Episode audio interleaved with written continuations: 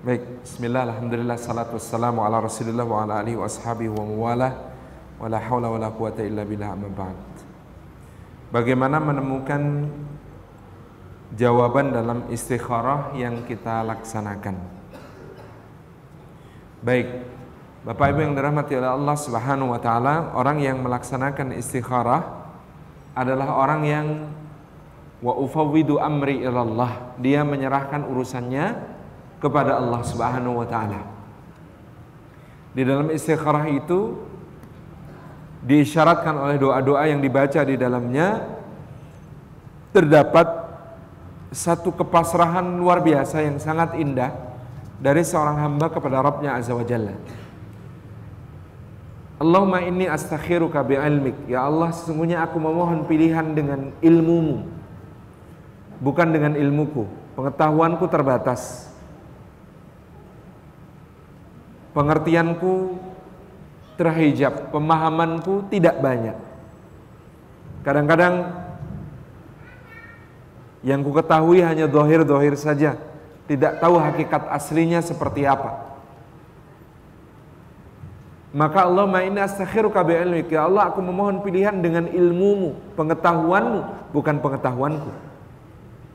Wastaqdiruka biqudratik. Dan aku ya Allah memohon ketetapan dengan kekuasaanmu, bukan dengan kekuasaan. Apalah aku ini, tidak ada daya upaya apa pun kecuali dengan pertolonganmu ya Allah. Engkau yang maha membolak-balikkan hati, engkau yang menggenggam setiap jiwa. Maka ya Allah, sungguhnya aku memohon ketetapan dengan kuasamu. Allahumma in kunta ta'lam anna hadil amr khairul li fi dini wa ma'ashi wa akibati amri faqdirhu li wa yassirhu li wa barik li fihi. Ya Allah, jika Engkau tahu bahwa urusan ini baik bagiku dalam agamaku, penghidupanku sampai kesudahan urusanku, maka takdirkan dia untukku, mudahkan dia untukku, berkahi aku di di dalamnya. Wa in kunta ta'lamu anna hadzal amr syarral li fi dini wa ma'ashi wa aqibati amri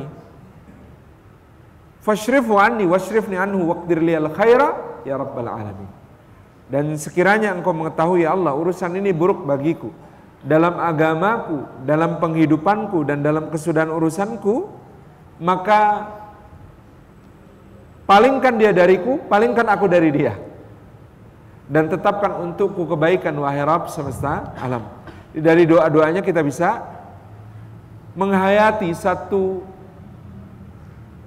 kehambaan yang sangat agung dari orang yang melaksanakan istikharah wa ufawidu amri ilallah yaitu tafwid menyerahkan urusan ini kepada Allah Subhanahu wa taala.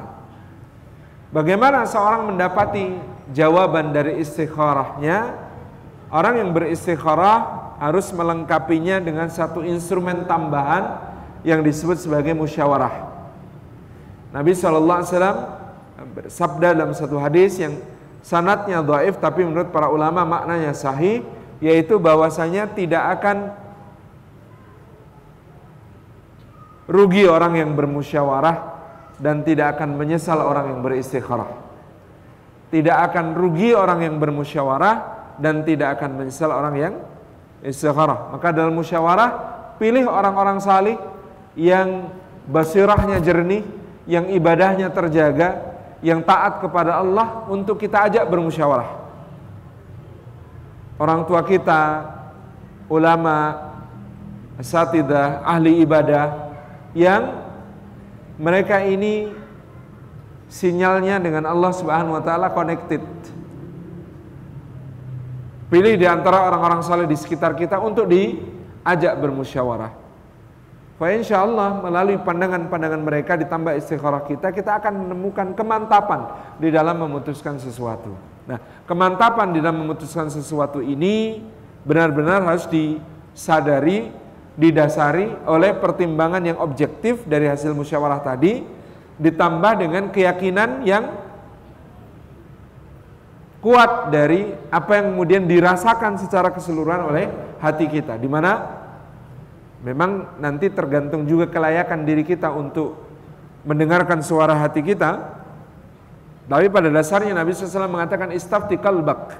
Mintalah fatwa kepada hatimu, sesungguhnya kebaikan itu adalah segala sesuatu yang membuat tentram di dalam hati meskipun orang-orang menentangnya dan sesungguhnya yang dimaksud dosa keburukan itu adalah apa-apa yang menggelisahkan hati kita meskipun orang membenarkannya.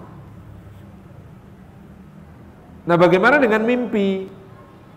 Al-Imam An-Nawawi dalam Surah Sahih Muslim mengatakan tidak boleh menyandarkan jawaban dari hasil suatu istikharah kepada mimpi yang datang kepada kita. Karena sesungguhnya satu kata Imam An-Nawawi Mimpi kita bukanlah mimpi yang terjamin pasti dari Allah. Bisa saja dari syaitan dan bisa saja dari hawa nafsu kita sendiri.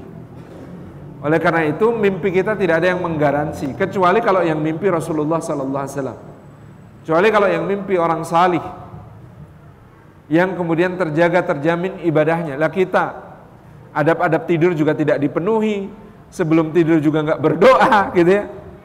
Uh, tidak dalam keadaan berwudu, tidak suci, lalu kemudian mimpi, mimpinya dipercaya. Tentu saja ini susah untuk kemudian menjadi sesuatu yang kita jadikan sandaran. Jadi mimpi, kata Imam An-Nawawi sebaiknya dikesampingkan dari apa yang menjadi pertimbangan untuk hasil istikharah. Tapi kalau memang mau niat, ya Allah tunjukkan kepada saya dalam mimpi nanti jawaban yang baik, ya silahkan tidur dengan memenuhi adab-adabnya. Gitu ya, berwudu, kemudian membaca ayat-ayat maksur, zikir sebelum tidur, berdoa, tidur dengan tenang, gitu ya. Kalau memang Allah menghendaki untuk memberikan jawaban lewat mimpi, insya Allah dengan permohonan kita berdoa kepada Allah, minta jawaban, insya Allah dimantapkan. Tapi sekali lagi, tidak harus lewat mimpi dan mimpi tidak bisa jadi patokan. Saya zat, uh, Istikharah Ustaz sudah mantap sekali karena saya mimpi tiga malam berturut-turut itu yang muncul di mimpi saya wajahnya dia. Lah iya wong sebelum tidur bayangin wajah dia terus. Lah gimana nggak muncul wajahnya dia di dalam mimpi kalau begitu caranya. Jadi mimpi kita tidak bisa jadi sandaran, gitu ya. Ini intinya. Jadi ada istikharah, ada musyawarah yang bisa kita kerjakan untuk kemudian bisa menjadi satu penopang bagi yang lain supaya apa yang kita pilih ini benar-benar mana yang paling mendekati ridho Allah. Kalau kita bingung atas pilihan kita bagaimana? Nah, Imam Syafi'i punya punya rumus. Jika ada beberapa pilihan membingungkanmu, semuanya tampak baik, semuanya baik. Saya ikhwan, oh, semuanya solihah, anggota pengajian Masjid Al-Falah semua. Semuanya solihah. Kalau engkau bingung pada pilihan yang sama-sama baik, maka apa yang harus dilakukan? Ya, si hawak kata Imam Syafi'i selisih hawa nafsumu.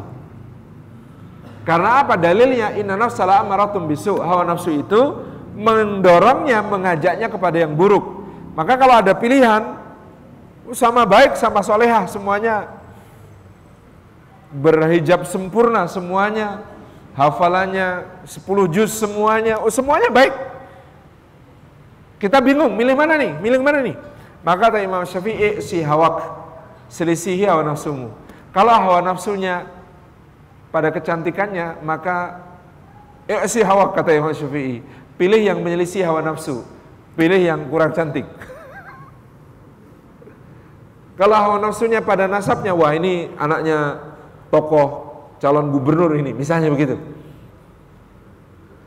Eh si hawak, ah, hawa nafsunya pada itu cari yang lebih keturunan rakyat jelata. Kalau hawa nafsunya pada kekayaan, wah anak orang kaya ini. Anak orang kaya jadi pengen itu, oh anak tunggal, anak orang kaya. hawa nafsunya pada kekayaan, kata Imam Syafi'i si hawa selisih hawa nafsu, pilih yang lebih miskin nggak apa-apa. Insya Allah kalau kita mampu menyelisih hawa nafsu kita, memilih pilihan yang tidak dipilih oleh hawa nafsu kita, maka Allah memberikan kebaikan di di sana. Itu rumusnya. Wallahu a'lam.